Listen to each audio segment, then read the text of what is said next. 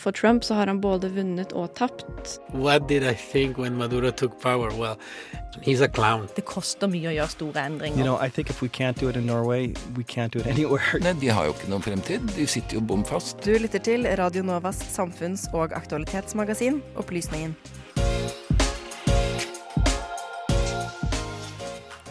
Et forslag til statsbudsjett for 2020 har blitt lagt fram denne uka. Men hva er de store endringene? I 2015 ble Nobels fredspris tildelt den tunisiske kvartetten for nasjonal dialog. Hvordan står det til i det lille nordafrikanske landet fire år etter fredsprisutdelingen? Vinneren av årets fredspris kunngjøres klokken 11 i dag. Vi går live fra kunngjøringen av årets vinner og ser på noen plausible kandidater. Og nordmenn er i verdenstoppen på kaffedrikking. Men hvor avhengighetsskapende er kaffe? Og er det skadelig for oss?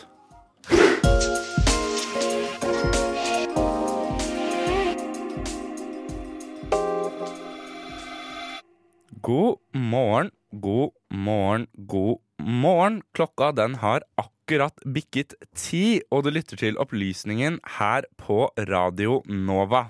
Mitt navn det er Sander Zakaria, og jeg skal lose deg gjennom den neste timen her på kanalen. Og med meg i studio har jeg Nora Amanda Nassholm, god morgen. God morgen. Og Trym Fjellheim Karlsen, god morgen. God morgen. Om ei time går Berit Reiss-Andersen fram foran et helt pressekorps for å kunngjøre hvem som er årets nobelprisvinner. Og senere i sendingen går vi direkte til vår reporter som står på Nobelinstituttet for å høre mer om fredsprisen. Trump er nominert til prisen. Det samme er Greta Thunberg og Julian Assange. Men hvem som vinner prisen? Er det en av disse eller noen helt andre? Det får vi først vite om en time. Vi skal også se på 2015s vinner Tunisia, plausible kandidater for årets pris og ha et lite gjenhør med en sak om kaffe. Men først Et forslag til statsbudsjettet for 2020 ble presentert denne uka. I dette innslaget skal vi se nærmere på hva statsbudsjettet egentlig er, og se på noen spennende endringer i statsbudsjettet fra fjorårets budsjett. På mandag la Siv Jensen fram statsbudsjettet for 2020. Statsbudsjettet dekker totale utgifter på 1 milliard 442,6 milliarder norske kroner fordelt på ulike poster. Siden budsjettframleggingen på mandag har budsjettet blitt diskutert i mange ulike fora. Men hva er statsbudsjettet, og hvorfor er det så viktig?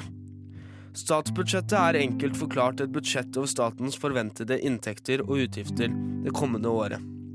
Budsjettet blir først presentert i form av et forslag som legges fram i starten av oktober, slik Siv Jensen gjorde denne uken. Utover høsten debatteres statsbudsjettet i Stortinget før budsjettet vedtas i desember. Opposisjonspartiene setter også opp sine egne alternative budsjetter, som ofte refereres til under debatter i Stortinget.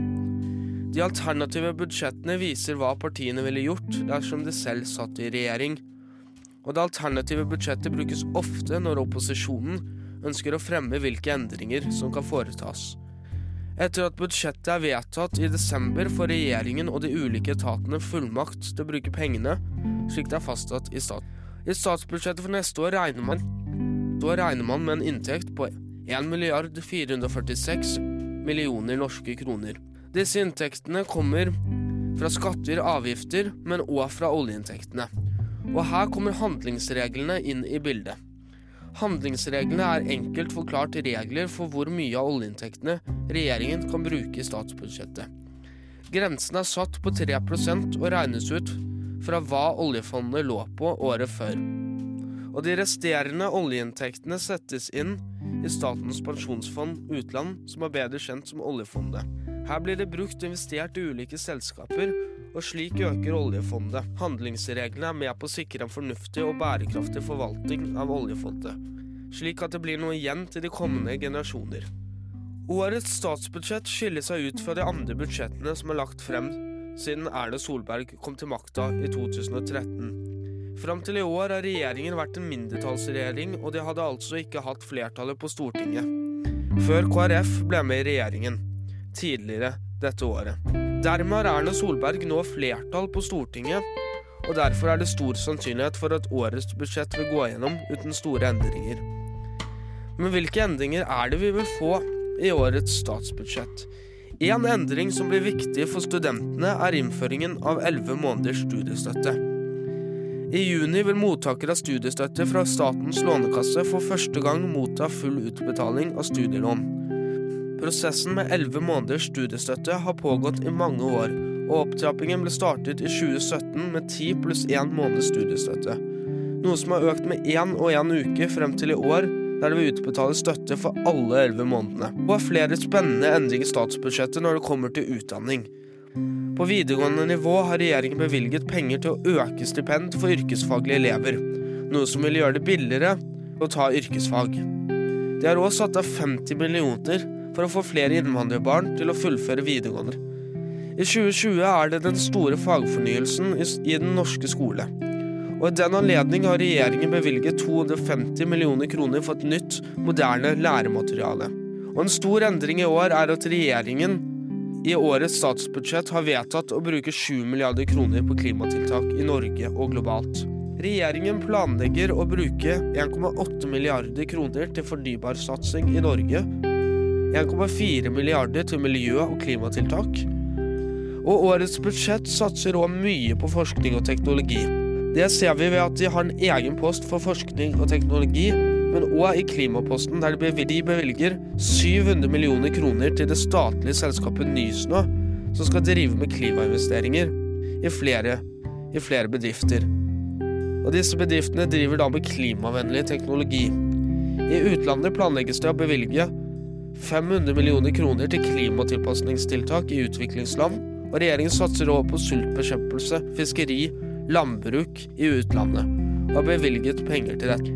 Regjeringen skal også investere 200 millioner i Det grønne klimafondet. Dette var bare noen få av de mange spennende postene fra årets forslag, og det anbefales å lese mer og se hvordan regjeringsforslaget påvirker deg og dine kjernesaker. Statsbudsjettet er som sagt utrolig viktig og påvirker oss som enkeltmennesker, men også hele det norske samfunn. Og til og med påvirker det utenfor Norges grenser. Derfor er det så utrolig viktig for dere å følge med.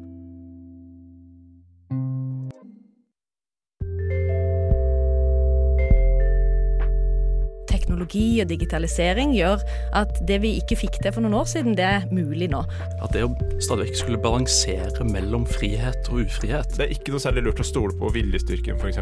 Kirkas demokratisystem. Opplysningen hver fredag fra klokken 10 til 11.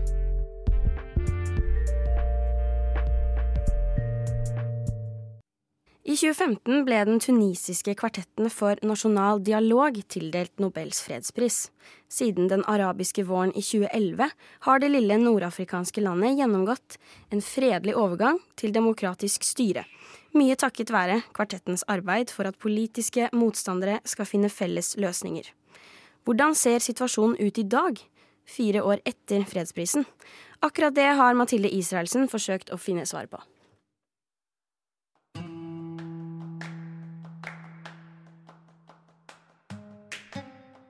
På søndag ble det avholdt valg i Tunisia.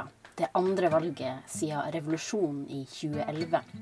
Revolusjonen, som ofte blir omtalt som jasminrevolusjonen, endte president Sine al-Abidine Ben Alis 23 år lange styre. Protestene, som starta i desember 2010, retta seg da mot utbredt korrupsjon, svake demokratiske rettigheter økende matpriser samt stigende arbeidsledighet. Opprøret i Tunisia var starten på flere lignende opprør i Midtøsten og Nord-Afrika, gjerne omtalt som den arabiske våren. Den spredte seg raskt til land som Egypt og Libya, og skapte håp om sterkere demokratiske rettigheter for borgere som i flere tiår hadde levd under strenge autoritære regimer. I disse landene skulle vårstemninga imidlertid vise å være kortvarig. Etter en periode med forbedring og optimisme gikk våren over i en langvarig vinter. I Egypt endte optimismen i et militærkupp i 2013, to år etter at opprørene starta. Libya ble kasta inn i en kaotisk borgerkrig kort tid etter avsettelsen av president Muammar Gaddafi. Landet har siden vært prega av uroligheter og vold.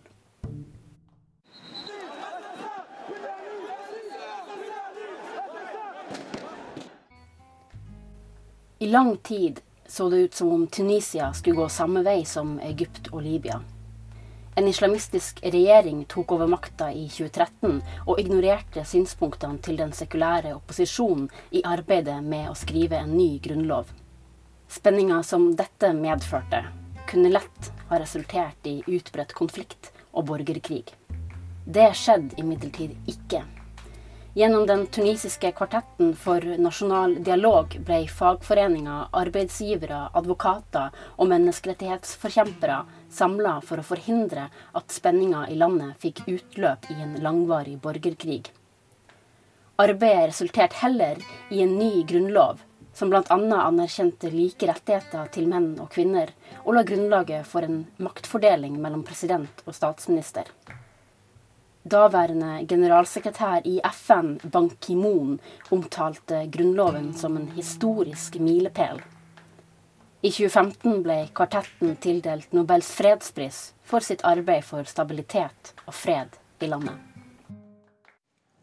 The Norwegian Nobel Committee has decided that the Nobel Peace Prize for 2015 is to be awarded to the Tunisian National Dialogue Quartet for its decisive contribution to the building of a pluralistic democracy in Tunisia in the wake of the Jasmine Revolution of 2011.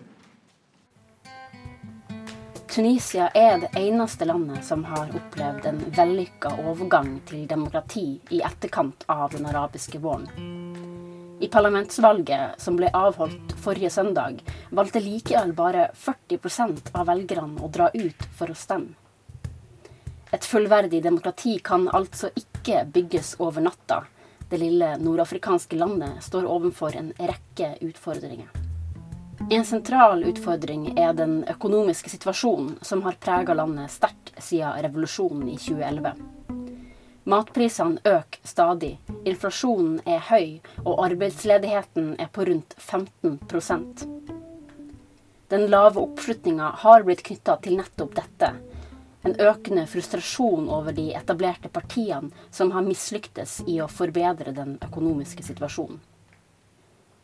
En annen utfordring er mangel på politisk åpenhet. Dette var en uventa konsekvens av kvartettens fokus på kompromiss.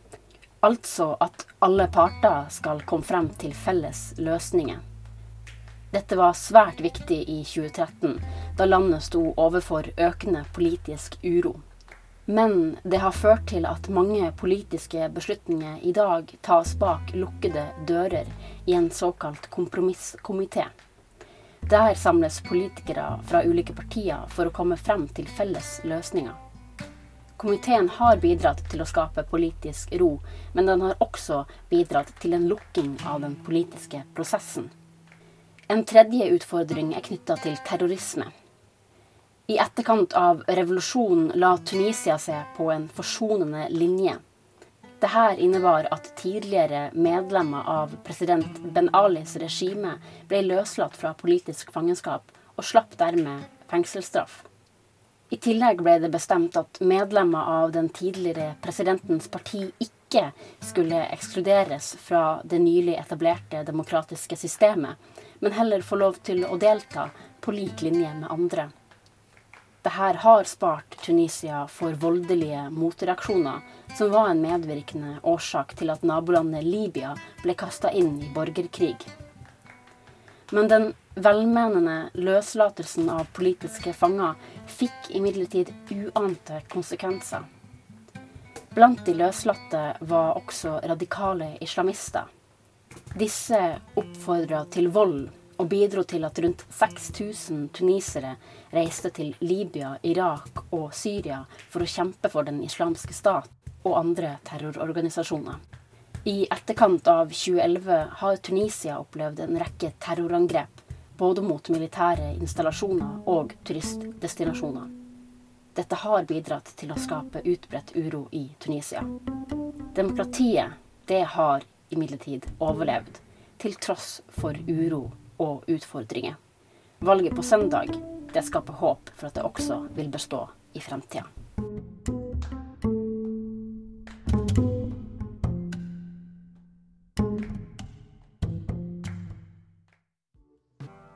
much as it's been 20 years since apartheid, like blacks have been freed, not much is like has changed. Så her er det jo helt klart at regjeringen ikke leverer faktisk på at Norge skal bli det beste landet i verden for skeive. Chavez is the guy who finally could destroy Venezuela. Opplysningen hver fredag mellom klokken 10 og 11 på Radio Nova. Trym og Sander, er, liker dere kaffe? Eh, nei, egentlig ikke. Altså, jeg sitter her med en ganske stor kopp, eh, så jeg vet ikke helt om jeg kan, eh, om jeg kan si at jeg ikke liker kaffe, nei. Nei, sjæl, ass. Kaffe, det, det må man ha. Og nordmenn, de drikker mye kaffe. Så mye kaffe at vi er på andreplass internasjonalt når det gjelder kaffedrikking. Dette tilsvarer rundt ti kilo kaffebønner per voksne nordmann i året.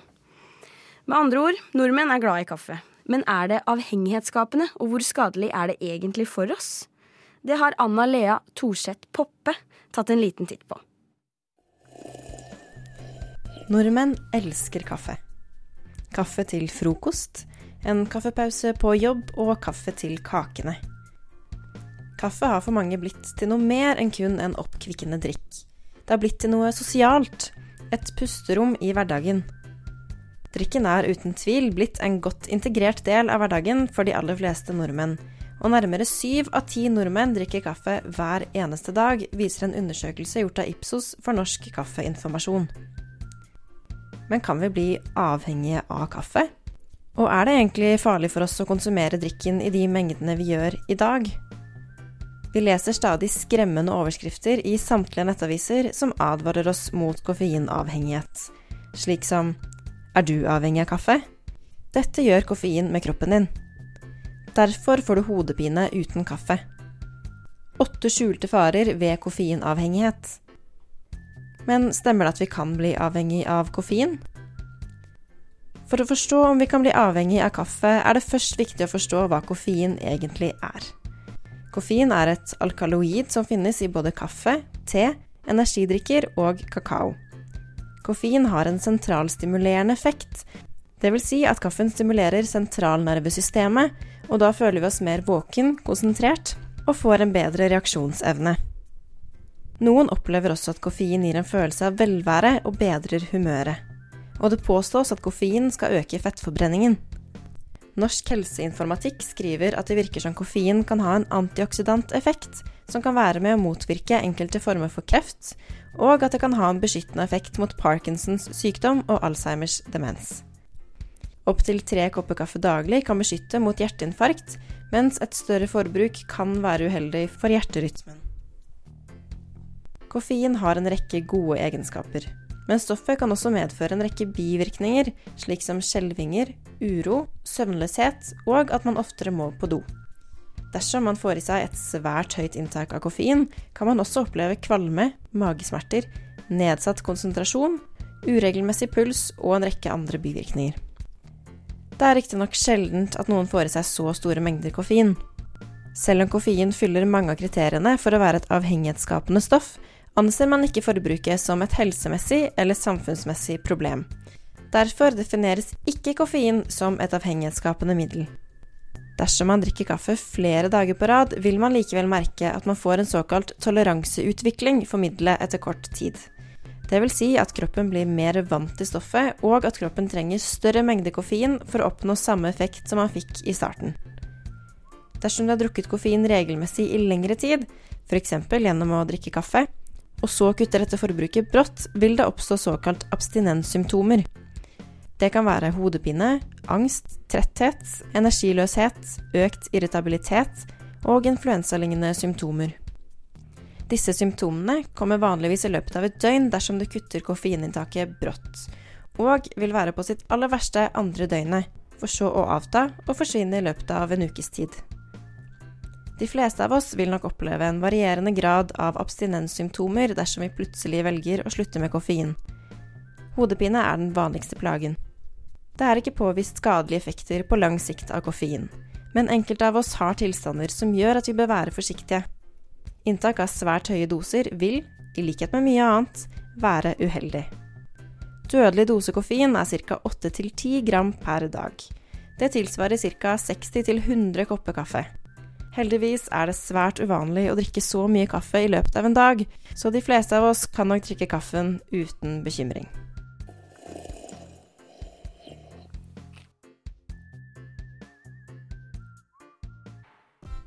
Likevel så øker bruken av straff. Det døde tre stykker uken etter at de hadde kommet inn der. Så det er ikke bare Donald Trump på en måte som er den ekstreme, rare skru skrullingen. Opplysningen hver fredag mellom klokken 10 og 11 på Radio Nova.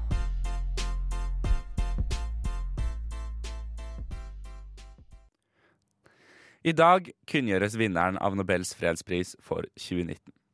Prisen, som har blitt delt ut helt siden 1901, tildeles personer og organisasjoner som har utmerket seg i arbeidet for fred. Mulige kandidater for årets fredspris er Greta Thunberg og USAs president Donald Trump. Men hvem som faktisk vinner, det får vi først vite klokken 11.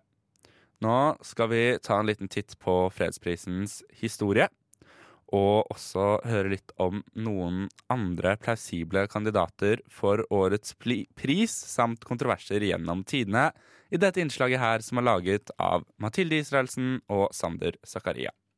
The Norwegian Nobel Committee has decided to award the Nobel Peace Prize to I dag, litt over klokka 11, kommer leder for den norske Nobelkomiteen, Berit Reiss-Andersen, ut av den store, brune døra på Nobelinstituttet. Hun skal dele ut årets fredspris til en person eller en organisasjon som har utmerka seg innen arbeid for fred. Nobels fredspris anses å være verdens mest prestisjetunge fredspris. Ifølge Alfred Nobels testamente, som la grunnlaget for prisen, skal fredsprisen tildeles enkeltpersoner eller organisasjoner som har arbeidet for fred. Gjennom årene har prisen blitt tildelt personer som har arbeidet for fredsavtaler, deriblant Mohammed Anwar al-Sadat fra Egypt og Menachem Begin fra Israel for fredssamtalen signert på Camp David i 1978. Prisen er også blitt tildelt organisasjoner som har jobbet for militær nedrustning, deriblant den internasjonale bevegelsen for avskaffelse av atomvåpen, som ble tildelt prisen i 2017. Andre igjen har blitt tildelt prisen for humanitært arbeid. Deriblant Fridtjof Nansen for sitt arbeid for russiske flyktninger under den russiske borgerkrigen på starten av 1920-tallet. I løpet av de siste tiårene har prisen blitt tildelt for arbeid mot klimaendringer og menneskeskapte miljøtrusler. Dette var begrunnelsen da Al Gore og FNs klimapanel ble tildelt prisen i 2007. Between the Intergovernmental Panel on Climate Change, IPCC, and Albert Arnold Al Gore Jr. for their efforts to build up and disseminate greater knowledge about man-made climate change. Mange tildelinger har vært svært kontroversielle. En av de mest omstridte prismottakerne gjennom tidene er Carl von Ossietzky i 1935. Prisen var så omstridt at kong Haakon valgte å utebli fra selve utdelinga. Den norske regjeringa var redd for hvordan prisen ville skade Norges forhold til Tyskland. Årsaken til dette var at Ossietzky var en tydelig kritiker av Adolf Hitlers nasjonalsosialistiske regjering i Tyskland. Da prisen skulle deles ut, satt Ossietzky i fangenskap under svært harde forhold i en konsentrasjonsleir, dømt for landssvik. Han og andre journalister hadde avslørt at Tyskland hadde starta omfattende militær opprustning, bl.a. gjennom økt våpenproduksjon. Dette var i strid med vilkårene i Versailles-traktaten fra 1919. Regjeringa i Tyskland likte prisutdelinga dårlig, og spenninga var i en periode høy. Den tyske propagandaministeren Goebbels omtalte utdelinga som en frekk provokasjon. Andre kontroversielle prisvinnere i nyere tid har vært Louis Chiabot. Han ble tildelt prisen i 2010 for hans arbeid for menneskerettigheter i Kina. Dette likte kinesiske myndigheter dårlig, som tvert kuttet alle diplomatiske bånd med Norge. Først etter seks år ble forholdet mellom landene igjen normalisert. En annen kontroversiell utdeling var prisen til Barack Obama i 2009. Etter at Jagland hadde kunngjort hvem vinneren var, reagerte pressekorpset sterkt. Den norske Nobelkomité har bestemt at Nobels fredspris for 2009 skal tildeles president Barack Obama for hans ekstraordinære innsats for å styrke internasjonalt diplomati og mellomfolkelig samarbeid. Prisens internasjonale innflytelse og potensielle kontroversielle karakter gjør at prosessen med utdelinga er strengt konfidensielt. Ingen vet hvem som tildeles årets fredspris, før komiteens leder Berit Reiss-Andersen stiger ut foran pressekorpset senere i dag. Det er bare prisvinneren som offentliggjøres. Alle andre nominerte holdes hemmelig i 50 år. Hemmelighetskremmeriet begrenser imidlertid ikke spekulasjonene rundt hvem som skal tildeles prisen. Når denne informasjonen kommer i media, skyldes det nettopp spekulasjon eller informasjon gitt av forslagsstillerne. Basert på dette vet vi at årets nominerte bl.a. er president Donald Trump, Wikileaks-grunnlegger Julian Assange og klimaaktivist Greta Thunberg. This is all wrong. I shouldn't be up here. I should be back in school on the other side of the ocean. Yet you all come to us young people for hope. How dare you? Greta Thunberg er av flere SV-politikere nominert til årets fredspris. Det er lave odds tilknyttet hennes kandidatur, som betyr at bettingselskaper anser det som svært sannsynlig at det er Thunberg som tildeles prisen. Hun har skapt store overskrifter over hele verden med sin skolestreik for klima, som nådde sitt høydepunkt i en global klimastreik mellom 20.9. og 27.9. i år.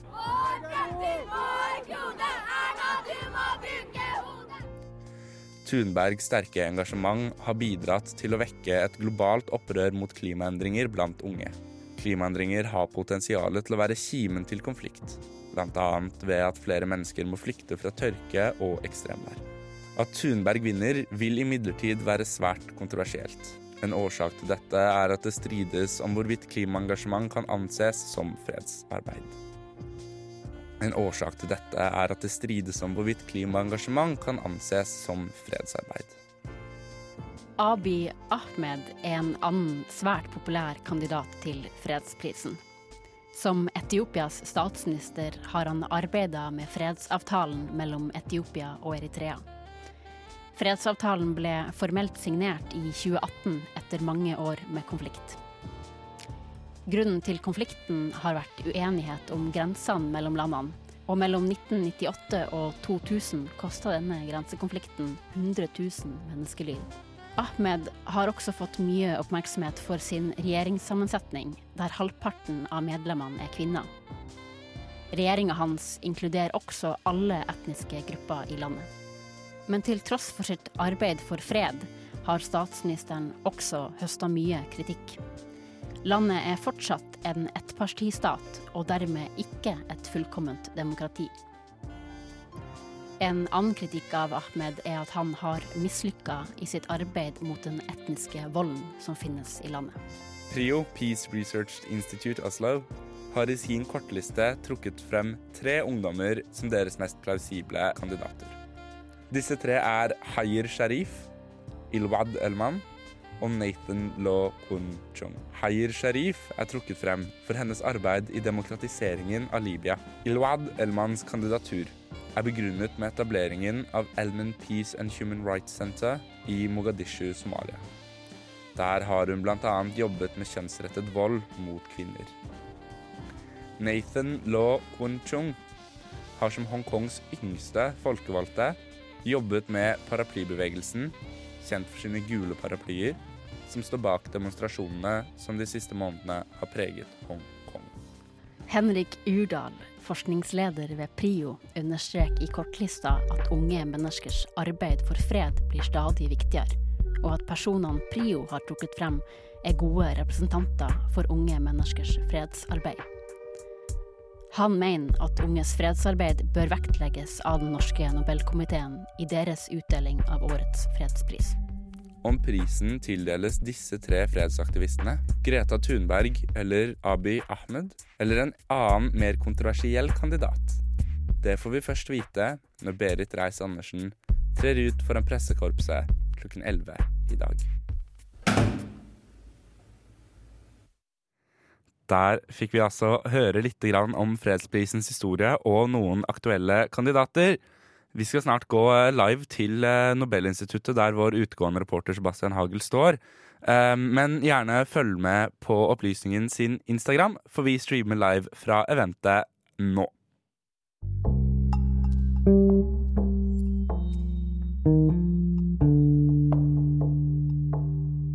And this is insane. I've never seen this in any other country. Never in my life. People eating from the trash, fighting about it. Eh, Når så mange er ensomme, så ligger jo på en måte ikke dette på, på individet lenger. Det ligger på systemet. Vi er i ferd med å ødelegge evnen vår eh, permanent kognitivt i hjernen til å konsentrere oss over lengre tid. Radio Novas samfunns- og aktualitetsmagasin gir deg historiene, sakene og debattene andre overser. Aldri redd, alltid balansert. Opplysningen 99,3. Og der fikk vi låta Ray Army med Snowcone. Og før denne låta så hørte vi litt om Nobels fredspris og noen av de mulige kandidatene til årets nobelpris. I et innslag laget av meg sjæl, Sande Zakaria og Mathilde Israelsen. For det er i dag vi får vite hvem som vinner prisen. Om eh, ca. 15 minutter klokken 11 kommer Berit Reiss-Andersen ut den store, brune døra på Nobelinstituttet, og vi får vite hvem som tildeles årets pris. Og med oss live fra Nobelinstituttet har vi vår reporter Sebastian Hagel. Og Sebastian, hvordan er stemningen der du er nå? Hallo, hallo. Um, nei, her er stemninga bare bra. Masse pressefolk, masse som står og venter. Vi har akkurat fått en pressebriefinga her fra offisielle instituttet, så da ja, vi bare venter i spenning. Fordi i et innslag eh, rett før nå så hørte vi om bl.a. Greta Thunberg, Abiy Ahmed og Hayr Sharif. Eh, hvilke andre plausible kandidater er det vi har til årets pris? Nei, altså bookmakerne har bl.a. plassert Jacinda Ardern, altså da statsministeren på New Zealand, høyt på sine rankinger. Nettopp pga. hennes respons til Christchurch-skytinga tidligere i år. Og hennes da respons som da gikk på å innføre ytterligere våpenkontroll i landet. Samt å da um, binde sammen landet og uh, møte den uh, muslimske folkegruppen i landet. Det samme har de også gjort med Chief Rayoni, som er en slags miljøaktivist i um, Amazonas. Som da har talt foran FN, har stått imot eh, Bolsonaro og denne brenningen av Amazonas-skogen. Videre har vi den internasjonale The International Rescue Committee, som har jobbet for flyktninger i bl.a. Jordan og Lebanon. Og har også hjulpet migranter i Libya. Er en viktig kandidat. og det, Den pares opp med høykommissæren for flyktninger, som da har vunnet prisen to ganger tidligere. Så det er jo eh, i disse disse tider hvor flyktningkrisen er veldig viktig, kan dette være en eh, mottaker av prisen. Videre har vi Reporters Without Borders, som har blitt, eh, den er blant, denne er bl.a. på Prios liste, hvor um, hvor bl.a. Eh, de har jobbet for å frigjøre, frigjøre de journalistene som avslørte rohingya-massakren i Myanmar, og eh, en slags respons til Khashoggi-drapet i Tyrkia. Videre har vi bl.a. Kim Jong-un og Moon Jae-in for deres eh, dialog på Koreahalvøya. Eh, dette er ikke en plassibel kandidat, men en kandidat som ble trukket fram nettopp fordi at de har skapt fred mellom de to landene eh, til en viss grad. Men da må man igjen plausibelt trekke inn Donald Trump, noe som kanskje ikke er like relevant. Um, ja, skal vi gå videre? Ja, eller um, hvis, vi, hvis, vi, ser litt på uh, bookmakerne, da. Du nevnte, um, du nevnte, Arden, altså statsministeren i New Zealand. Er det noen andre kandidater de har ganske lave odds på? Den laveste oddsen er plassert på oddsfavoritten Greta Thunberg, som er under to i odds konsekvent. Um, ellers har vi Abiy Ahmed og Rasindra Arden og nettopp da Chief Rayoni. Dette er oddsfavorittene. Um, men du nevnte Kim Jong-un som et eksempel. Har vi noen flere kontroversielle kandidater til årets fredspris? Vel, kontroversielt for Norge kan jo være om vi dersom prisen går til eh, Nathan Law fra Hongkong. Nettopp fordi vi har en historie med å um, at fredsprisen kan provosere Kina til å forverre forholdet mellom Norge og Kina. Um, så en fredspris til Hongkong eller da Nathan Law vært, uh, er kontroversielt. Um, Greta Thunberg i seg selv er en kontroversiell kandidat. Hun er, Prio har publisert at uh, denne kandidaten er jo ikke direkte for fred per definisjon. Um, selv om presidenten har blitt satt i 2007, da fredsprisen gikk til uh, Al Gore og Det internasjonale klimapanelet. Men allikevel er Greta Thunberg en kontroversiell kandidat i og med at hun ikke er en fredsskaper, slik som f.eks. Abiy Ahmed. Ja, um, Du nevnte også um, FNs høykommissær for flyktninger. Um, disse har vunnet fredsprisen to ganger tidligere. Er det noe spesielt i år som gjør de uh, aktuelle? Det er jo det at vi er midt i en stor flyktningkrise som gjør at de er relevante. Men det at deres arbeid i bl.a. Jordan, uh, Lebanon over hele denne regionen gjør dem aktuelle for en fredspris hvert år. Ja, Du nevnte også Reporters Without Borders. Um, og da satte de i knytning med bl.a. Jamal Khashoggi uh, og um, disse som avslørte altså folkemordet mot rohingyaene i, i uh, Myanmar. Er dette, er dette, en favoritt? Er det sannsynlig at disse får prisen? Altså Reporters Without Borders er nummer to på Henrik Urdals prioliste. og er uh, det vil jeg vil si at de er, Om ikke favoritter, så er de iallfall veldig aktuelle kandidater. De uh, har jobbet altså NRK skrev en artikkel i dag om at um, dette kan bli journalistenes, uh, journalistenes um, fredspris. Og da, da, er det mest sannsynlig at den går til Reporters Without Borders for deres arbeid på pressefrihet, ytringsfrihet og, um, og uh, frigjøringen av journalister som har blitt fengslet over hele verden. Men fjorårets fredspris den gikk jo til Dennis Mukwege og Nadia Mura, som overordna jobbet mot seksuelt vold. Og sett at 2018 var et av storårene for metoo-kampanjen, så kan jo det kanskje settes i kontekst. Hvilke kampanjer eller trender er det som kan spille inn i år? Vel, I den sammenheng kan vi jo se imot klimakampanjen og skolestreiken for klima, og da igjen se til Greta Thunberg. Og der, der, kanskje derfor også hun er oddsfavoritten. Um, så potensielt da kan vi se en miljøpris i 2019, nettopp fordi det har vært et slikt fokus på miljø. Um, og da kan vi bl.a. se en uh, felles pris mellom f.eks. Greta Thunberg og Chief Rayoni. Ellers har vi hatt en omfattende våpendebatt, uh, bl.a. i De forente stater i Amerika. Um, som da kan, igjen kan være tyde på at f.eks. Jacinda Arden får prisen for hennes våpenkontroll i etterkant av Christchurch-skytinga. Tusen, tusen takk til deg, Sebastian Hagel, live fra Nobelinstituttet, der årets fredsprisvinner snart blir annonsert. Du hører på Opplysningen. Aldri redd, alltid balansert. Opplysningen hver fredag mellom klokken 10 og 11 på Radio Nova.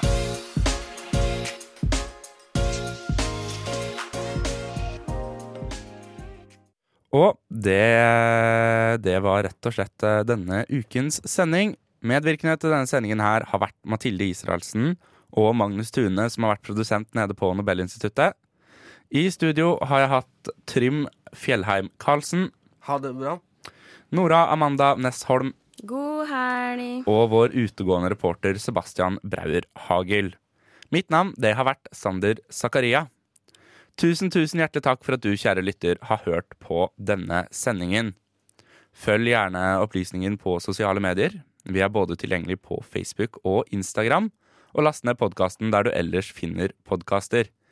Det var alt vi hadde for i dag, men ikke forlat kanalen helt enda. For rett etter oss kommer Studentnyhetene. Og de tar opp tråden med Sebastian Hagel live fra Nobelinstituttet så fort vi vet hvem som er årets vinner. Følg også med på Instagrammen vår, der vi streamer live fra annonseringen på Nobelinstituttet. Studentnyhetene skal også i tillegg snakke mer om statsbudsjettet, så det er ingen grunn til å slå av radioen din helt enda. Nå kommer låta What It Is av Dominicsen, og med det så ønsker jeg dere en god helg, god i studio. Opplysningen hver fredag mellom klokken 10 og 11 på Radio Nova. Aldri redd, alltid balansert. Opplysningen.